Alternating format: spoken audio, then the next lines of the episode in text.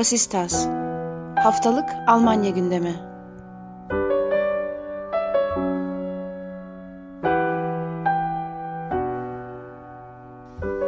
Herkese merhaba.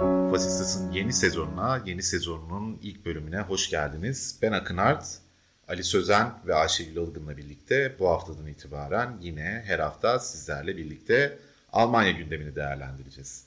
Uzun bir tatilin ardından geri dönmüş olduk.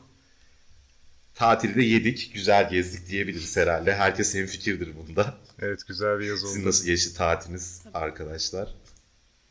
Aa, benim güzel geçti. Güzel bir yaz oldu. Ayşegül'üm daha çok gezdi sanırım. Evet benim sıfatım daha kuvvetli. Benimki ha, benimki daha güzeldi. Benimki en güzeldi. Yok yok güzeldi. Bol bol gezdim. Ee, bol bol güneş gördüm en azından.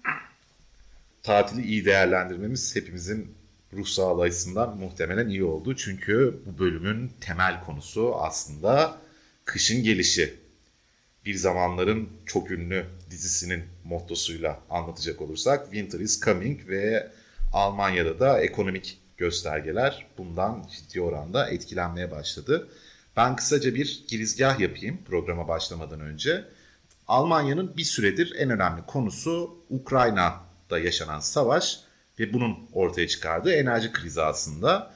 Bu Almanya içerisinde pek çok ekonomik göstergeyi de aslında etkiliyor, ittiriyor. Almanya Federal İstatistik Kurumu'nun yaptığı açıklamaya göre enflasyon Almanya'da %10 seviyesine ulaştı.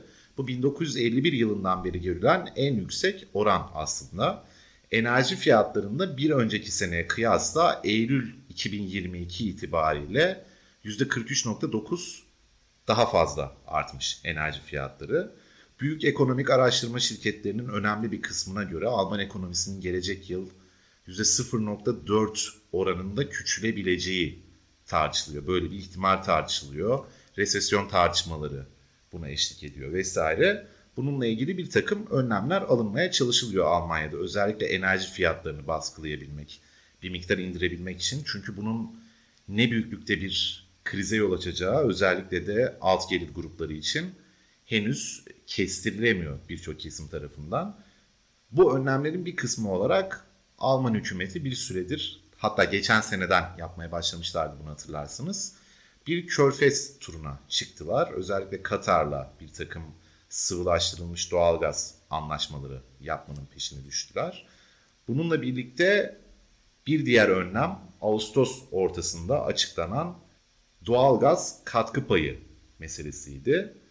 2022'nin Ekim ayından başlamak üzere kilowatt saat başına 2.419 sent doğalgaz katkı payı ödeyeceği vatandaşların söylenmişti. Bu da bir fikir vermesi açısından özetlemek gerekirse ortalama olarak 4 kişilik bir ailenin doğalgaz masrafını yıllık 480 euro civarında arttıracak. Aslında az da sayılmayacak bir katkı payıydı. Katkı payı kavramlaştırması bence biraz gülünç ama çeviride en yakın şey bu olduğu için ben de böyle ifade etmiş olayım.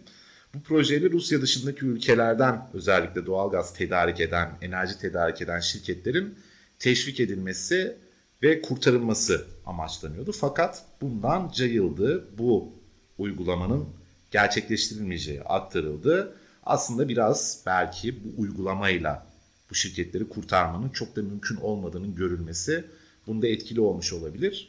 Bunun yerine yani bunun yerine denmez belki ama bununla birlikte diyelim çoğunluğu şimdiye kadar, çoğunluk hissesi şimdiye kadar Finlandiyalı bir kamu şirketi olan Fortum'da bulunan Uniper'in %77.9'luk daha hissesini aldı Almanya ve bu şirket içerisinde hisse payını toplamda %99'a çıkardı. Bu hamle için yaklaşık 8 milyar euroluk bir kaynak aktarılması gündemde. Böylece enerji şirketlerinin batması ve bunun yaratacağı daha büyük krizlerin bir miktar önüne geçilmeye çalışılıyor. Vatandaşların gelir kayıplarının dengelenebilmesi adına muhteşem bir yardım paketi hazırlandı. Bunun bir parçası olarak tüm çalışanlara 300 euro brüt ek ödeme yapıldı. Eylül maaşlarına yansıyacak şekilde. Brüt diyorum evet şaka yapmıyorum şu anda. Bu ek ödeme yani devlet tarafından verilen yardım vergilendiriliyor. Bunun üzerinden vergi de alınacak 300 euro bunun büyük rakam, brüt rakamı şimdiye kadar. Bunlar yeterli olacak mı göreceğiz. Son olarak ortaya çıkan önemli hamlelerden bir tanesi belki şimdiye kadar yapılan hamleler arasında endişe dokunur olanı bu fakat detayları henüz belli değil maalesef. Doğalgazı bir tavan, doğalgaz fiyatlarına bir tavan fiyat uygulaması getirileceği ilan edildi. Bunun için 150-200 milyar dolar civarında devletin bir bir şey mi söyleyeceksin? 200 milyar euro olarak getirildi daha sonra. İlk başta 150-200 milyar euro arasında açıklamışlardı. Sonra 200 milyar euro diye tekrar açıkladılar ama basın toplantısında. Ama detayları belli değil zaten bahsedecektim. Muhtemelen. Tamam tamam teşekkür ederim. 200 milyar euro olarak 200 milyar euro civarında bir kaynak aktarılacak. Bu bir süredir özellikle Hristiyan Birlik Partilerinin şu anda ana muhalefet pozisyonunda olan Hristiyan Birlik Partilerinin gündeme getirdiği bir talepti. Zaten gelmesi de bekleniyordu aslında böyle bir uygulamanın diyebiliriz. Bunun da ilk adımları atılmış oldu. Fakat bu ekonomik önlemlerin dışında Almanya'nın şimdiye kadar mevcut enerji kullanımının mevcut enerjileri hangi kaynaklardan çeşitlendirdiğinin aslında portföyü ciddi oranda değişmeye başladı. Ben sözü bu noktada Ayşegül'e bırakacağım. O bize Almanya'nın enerji kullanımı ne yönde değişti, hangi enerji kaynakları daha çok kullanılır oldu bir miktar bunu anlatacak. Söz sende Ayşegül. Teşekkür ederim Akın. Ee, yine 4 ay önce bitirdiğimiz yerden başlıyoruz galiba. Son programlarda da en çok konuştuğumuz konu buydu. Evet bir önceki sene de bu arada durup durup Covid konuşuyorduk. Kendini tekrarlayan böyle bir gündemimiz vardı. Bu senenin kendini tekrarlayan gündemi de maalesef en az Covid kadar hatta belki daha üzücü böyle bir durum. Evet bu yıl sonunda yapılan e, yılın kelimesi, yılın konusu şeylerine eklenebilir. E, evet. Seç, seçimlerine eklenebilir. e, ya işte savaştan önce daha önce de konuştuğumuz üzere Almanya'nın gaz tedariğinin e, büyük çoğunluğu Rusya'dan geliyordu. Savaşın başlamasından sonra e, Almanya-Rusya arasındaki gaz e, alışverişini sağlayan Kuzey Yakın boru hattı projeleri sıkıntıya girdi. E, savaşın başlamasının ardından Kuzey Akım 2 projesi daha faaliyete başlamadan askıya alınmıştı zaten. Kuzey Akım 1 yani ana boru hattından da Eylül'den beri gaz akışı sağlanmıyor. Rus enerji şirketi Gazprom Kuzey Akım 1'in belirsiz bir süreliğine kapalı kalacağını duyurmuştu Eylül başında. E, haliyle bu e, kriz Almanya'nın enerji politikasını yani enerji planlamasını değiştirdi. E, önemli öncelik Rusya'ya bağımlılığı sonlandırmak. Elbette en önemli hedeflerden biri buydu. E, bunu da Rusya'dan gelen ucuz gazı ikame edecek tedarikçi hatta tedarikçiler e, bularak yapmayı planlıyorlardı. Çünkü böyle durumlar için tedarik çeşitliliğinin e, farklı alternatif sağlaması açısından önemi anlaşıldı. Bu kapsamda yapılan görüşmeleri zaten e, birazdan konuşuruz. E, bir diğeri de ülkenin içindeki kaynakları yeniden gözden geçirmek meselesi oldu. E, buna zaten yenilenebilir enerji altyapısını genişletmek başından beri dahil. Ayrıca e, nükleer konusu gündemdeydi. E, gün, nükleer zaten Almanya'nın yıllardır e, en tartışmalı konularından biri. Bu yılın bu yılın sonuna kadar ülkede açık olan 3 nükleer santralin ikisinin e, üçünün kapatılması planlanıyordu. Fakat yeni alınan bir kararla ikisinin e, e, kapatılmasının Nisan ayına kadar ertelenmesine, Nisan'a kadar açık tutulmasına karar verildi. E, yani nükleer konusunu da eski programlarımızda birkaç kez ele almıştık. Almanya Fukushima'nın ardından Avrupa'daki ülkelerden daha hızlı e, bir yol izleyerek nükleerden çıkış kararı almıştı. Ülkedeki 6 santralden 3'ü hali hazırda kapatılmıştı. E, ya aslında şöyle tartışmalar oluyor. Çevre etki değeri düşünüldüğünde nükleerin kömürden ve fosil yakıtlardan daha iyi olduğu düşünülüyor. Ancak nükleerin de atık sorunu ve kontrol e, mekanizması sorunları mevcut. Burada benim en önem verdiğim nokta aslında Yeşillerin, Yeşiller Partisi'nin, iktidarın ortağı Yeşiller Partisi'nin doğası gereği nükleer karşıtı bir parti ol, olması e, ve hatta şu an muhtemelen partide önemli bakanlıkları tutan isimlerin gençliklerini e, nükleer karşıtı hareketlerde geçirmiş olması e, ve şu an ve şu an bu kararı açıklayanın Enerji Bakanı Habek olması ve Yeşiller Partisi'nden olması. Yani bu son programlarda bahsettiğimiz... Real politikle imtihan konulu. Aynen öyle. Yani o bir durum söz konusu. Zamanın değişmesi denen mesele e, hızını arttırarak devam ediyor aslında. E, ama aslında bence Almanya'da hala nükleer karşıtı fikir birliği e, oldukça güçlü. Yani bunun çok kısa süreli bir acil planı olduğunun e, vurgusu yapılıyor. Ee, nükleerin yanı sıra bir de ülkedeki kömür santralleri e, ideal olarak 2030'da kapatılmayı e, kapatılması planlanıyordu. Fakat e, enerji krizi kömür santrallerinden de yararlanmayı şart koşunca bazı santraller faaliyete sokuldu. Ha bir de bunun üzerine e, bütün bunlar olurken Avrupa en kurak yazını geçirdi. E, sular çekildiği için de bu kömür sevkiyatını gerçekleştirecek gemilerin dolaşımı sıkıntıya girdi. Yani santrallerin e, kömür taşımasına da bazı sıkıntılar oluştu. Sa- santrallere kömürün taşınmasına da bazı sıkıntılar oluştu. E, kömürden kurtulma kararı zaten Avrupa çapında da yıllardır planlanan e, bir proje. Çevreye verdiği zarardan ötürüydü. E, dolayısıyla burada gördüğümüz e, çelişki enerji krizinin çevre hedeflerinden de Almanya'yı biraz saptırdığı meselesi. E, yani bu önlemler kısa süreli planlar olarak devreye sokulmuş olsa da e, 2030'a kadar santrallerin kapatılması ihtimali azalmış gibi görünüyor sanki. E, yani şu an önüm, Almanya'nın önündeki dilemma e, iklim kriziyle, enerji kriziyle iklim değişikliği problemi arasında kalmış olması. Çünkü birinin çözümü diğerinin nedeni gibi bir durum oluşabiliyor. E, e, böyle bir durum var. E, yani bu bahsettiklerimde Almanya'nın kendi içindeki enerji kaynaklarının planlamasını e, krizden çıkış yolu olarak nasıl değiştirdiği. Akın'ın da bahsettiği gibi bazı teşvik paketleri açıklanıyor. E, bugüne kadar hatırladığım kadarıyla 3 yardım paketi açıklandı. E, ya aslında şunu eklemekte de fayda görüyorum. Aylardır bu konuşuluyor. Bizi zor günler bekliyor. Her şey çok zor şeklinde konuşmalar yapılıyor. Ancak gelinen noktada depoların doluluk oranı %91 oranında. Yani kışın sıkıntısız geçme e, yani gazın kışı geçirmeye yeteceği öngörülüyor. E, ama havalar çok soğuk olmazsa gibi bir Tabii. açıklaması vardı Nor- abi. Bu da biraz Allah'a emanet olduğumuz hissi yaratıyor. Açıklamanın kendisi en azından. Senin verdiğin Haklısın. rakam tabii ki biraz daha güven verici ama. Haklısın ama hani normal şartlar altında şu anki doluluk oranıyla sanki kış e, sıkıntısız geçebilecekmiş gibi görülüyor. Ben şimdilik burada bırakayım. E, istersen Ali sen de e, yapılan uluslararası anlaşmalardan biraz bahset. E, bu Rus gazını ikame etmek için yapılan anlaşmalardan. Sonra devam ederiz.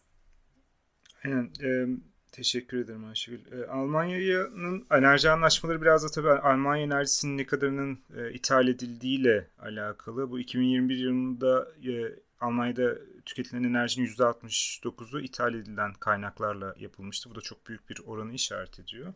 Almanya zaten e, içeride üretebildiği şu anda hatırı sayılır e, enerji miktarının e, sen bahsettiğin Ayşegül daha çok linyit kömürü ve yenilenebilir enerji oluşturuyor. Bu linyit kömürü konusunda da işte kapatılan termik santraller yeniden açılacak birkaç gün önce Habeck de o demir levlebi yutarak o açıklamayı da yaptı. Tekrar kömür üretiminin teşvik edilmesi şey için daha çok elektrik üretimi için onu dönüyor. İthalat kalemleri arasında da bu %69'un arasında da %44'ünü doğalgaz oluşturuyor. %27'sini petrol, %12'sini rafine petrol ürünleri, işte doğrudan benzin ve e, dizel gibi. E, %9'unu da taş kömürü oluşturuyor. Taş kömürü Almanya'da artık çıkarılmıyor. E, enerji üretiminde kullanılmıyor ama e, pardon, enerji üretiminde kullanılmıyor ama ithal edilerek kullanılıyor. Bunu tekrar çıkarmak da şu anda yasal olarak pek mümkün bir yol olarak gözükmüyor kısa vadede. Onu da değiştirmek mümkün değil gibi. Bu ithalatın ise ee, yani doğalgaz ithalatının özellikle %55'i, e, taş kömür ithalatının %50'si, ham petrol ithalatının da %34'ü doğrudan Rusya üzerinden geliyordu. Yani neredeyse bunun e, bahsettiğimiz enerjinin hatır bir miktarı hani, e, bazı dallarda yarısına yakını Rusya üzerinden geliyordu. Bunu bir anda savaş e, başladıktan sonra bir e, paradigma değişimine gitmesi hükümetin ve bir anda değişmesi tabii mümkün olmadı. Burada kısa vadede yapılabilecek iç üretimi, e, enerji üretimi arttırmak bir yoldu. Sen de bahsettin işte yenilenebilir enerji konusunda, atom enerjisi konusunda, nükleer enerji konusunda bir takım şeyler var. Nükleer enerjide bakım sorunları da var. O santrallerin kapanmaya hazırlandığı için bakımlarının yapılmamış olması, onların tekrar bakıma girecek olması vesaire gibi sorunlar da var. Ee, diğer kısmı tabii kısa vade içeride yapılacaklar sınırlı olduğu için bir tek linyit kömürü gibi böyle hızlı e, şeyler e, enerji üretim imkanları olduğu için dışarıya dönmekti.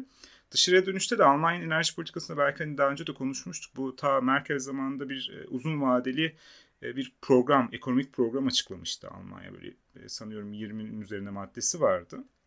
Onlardan bir tanesi Almanya'nın gelecekteki enerji yatırımını tamamen hidrojen, yeşil hidrojen e, enerji e, üzerine, enerjisi üzerine e, olduğunu biliyorduk. Oradan bir şey çıkarttık. Bu yeni hükümet de bunu devam ettirdi. Daha, yaptığı uluslararası anlaşmaların hepsinde de bu yeşil hidrojen enerjisinin önemli bir rolü var.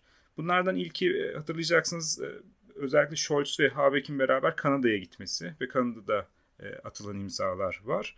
Orada iki konuya bağlandı. Şimdi yeşil hidrojen enerjisinin şu anda ithal edilmesi ve sektöre sunulması mümkün gözükmüyor. Dolayısıyla kısa vadeli bir geçiş planı, bir köprü planı gerekiyor. Bu geçiş planında sıvılaştırılmış doğal gaz ile yapacak Almanya. Bunu da daha çok işte tankerlerle ya da karayoluyla getirebiliyorlar Almanya'da. Buradaki doğal sıvılaştırılmış doğalgaz santralleri e, arttırıldı. İşte Hamburg'a büyük bir santral yapılıyor.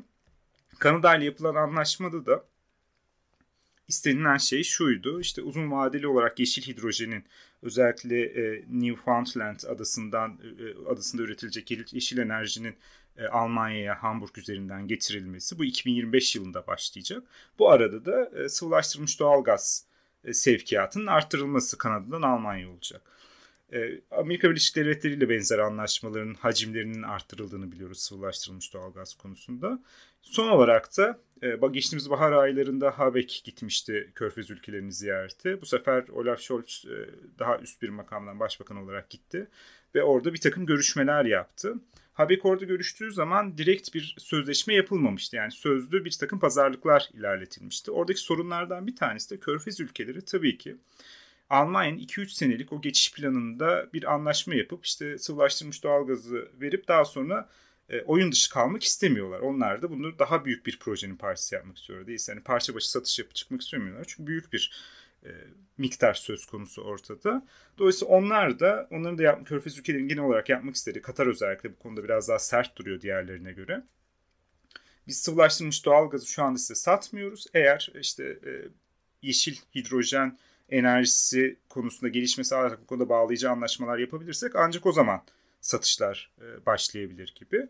Ve Katar bunun içinde doğrudan sıvılaştırılmış doğalgaz tedariki içinde ancak 2004 yılını işaret, 2024 yılını işaret ediyor düzeltiyorum. Burada tabii biraz da Almanya elini zora sokuyor. Çünkü 2025 yılında Kanada'dan yeşil e, hidrojen enerjisi e, ithalatı başlayacak.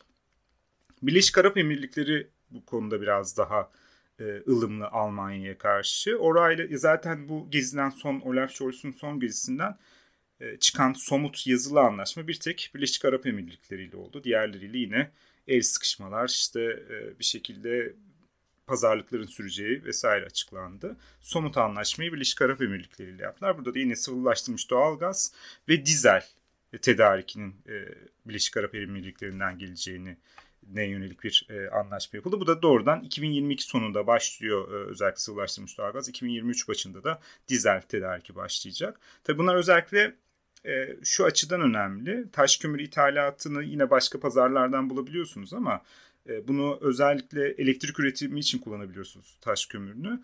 Ama ısınma ve taşımacılık alanında taş kömürü olmuyor. Dolayısıyla sıvılaştırılmış doğalgaz ve petrol gerekli şu anda Almanya en azından bu yeşil hidrojen yaygın, e, kullanımının yaygınlaşana kadar.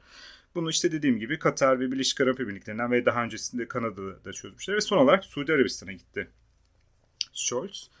Orada e, Veliaht Prens'le görüştü. Tabii o bu da büyük bir e, yine paradigma kırılımı anlamına geliyordu. El sıkıştılar. E, ve burada yine sıvılaştırılmış doğalgaz ve petrol e, ithalatına yönelik bir e, sözlü anlaşmaların olduğu söyleniyor. Ama zaten e, görüşmenin sonrasında basın toplantısı yapılmadı. Anlaşmalar açıklanmadı, miktarlar belli değil, ne konuşulduğunu bilmiyoruz. Uzun vadeli Suudi Arabistan'ın da özellikle yeşil hidrojen üretiminde bir e, büyük bir oyuncu olmak istediğini biliyoruz. Onların da o konuda direttiğini çıkarmak mümkün dolayısıyla. E, belki orada yine uzun vadeli bir e, anlaşma da yapılmış olabilir. Kısa vadeli e, petrol ve e, doğalgaz ve uzun vadeli de yeşil hidrojen yönünde ve bir e, yandan da silah ambargosunun kaldırılabileceği konuşuluyor Suudi Arabistan'a yönelik.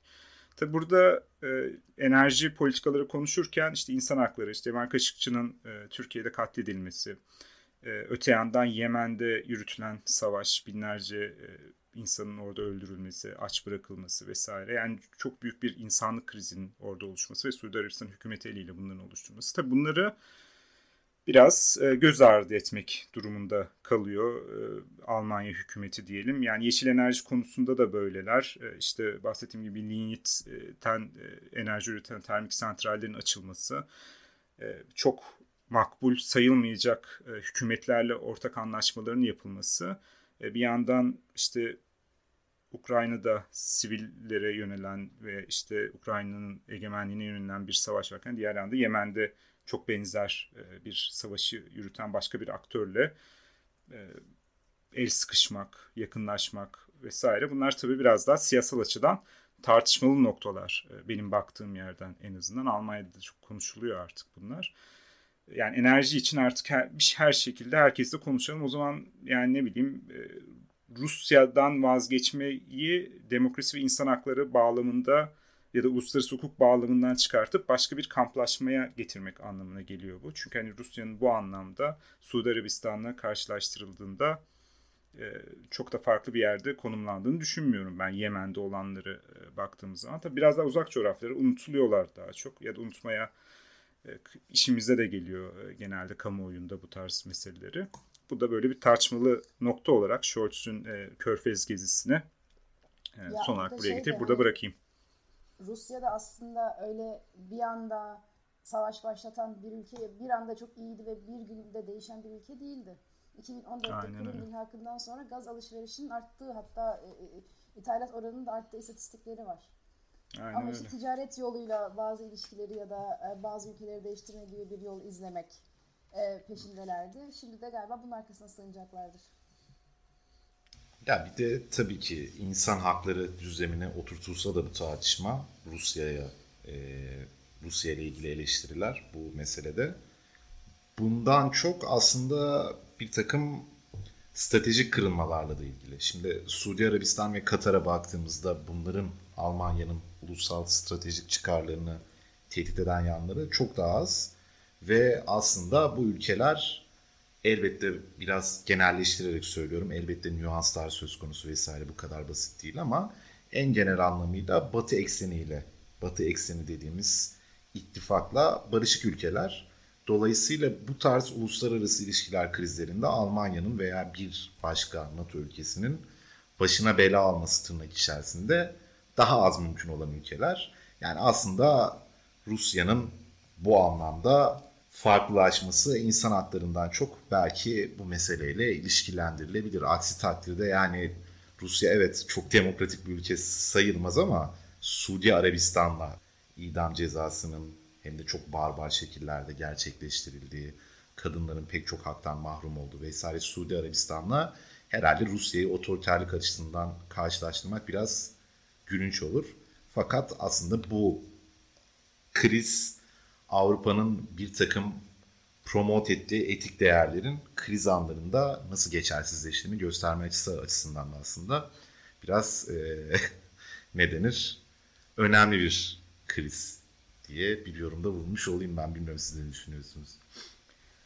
Öyle yani iş biraz tabii e, Suudi Arabistan konusunda özellikle iş Almanya'yı da aşıyor. Sen de NATO yönünü işaret ettin. İşte Biden'ın ilk etapta o e, buzları kırmasıyla itibaren NATO üyelerinin teker teker Suudi Arabistan'ın artık Batı ittifakının içerisinde kabul ettiğini görüyoruz. Yani bu da enerji anlaşmaları bu yönüyle yansıyor. Almanya için de çok önemli bir yerde enerji anlaşmaları. Yani dolayısıyla hani burada hani dış politikaya bakarken etik çizgilerle dış politika yapacağız demek e, nihayetinde böyle ülkelerde e, olmuyor. Bunu sadece enerji ticareti yapmadığınız ülkelerde dile getirebiliyorsunuz belki. Yani burada böyle insan hakları ihlalleri var. E, diğer yerlerde artık yani petrol geliyorsa nihayetinde insan hakları ihlalleri de e, nasıl diyeyim kabul edilebilir hale ya da oraya gözler kapatılıyor bir şekilde. Bu tabii acı. Yani en azından Avrupa Birliği'nin de savunduğu değerlerden kopması bu anlamıyla acı. Yani e, nihayetinde belki 3-5 sene sonra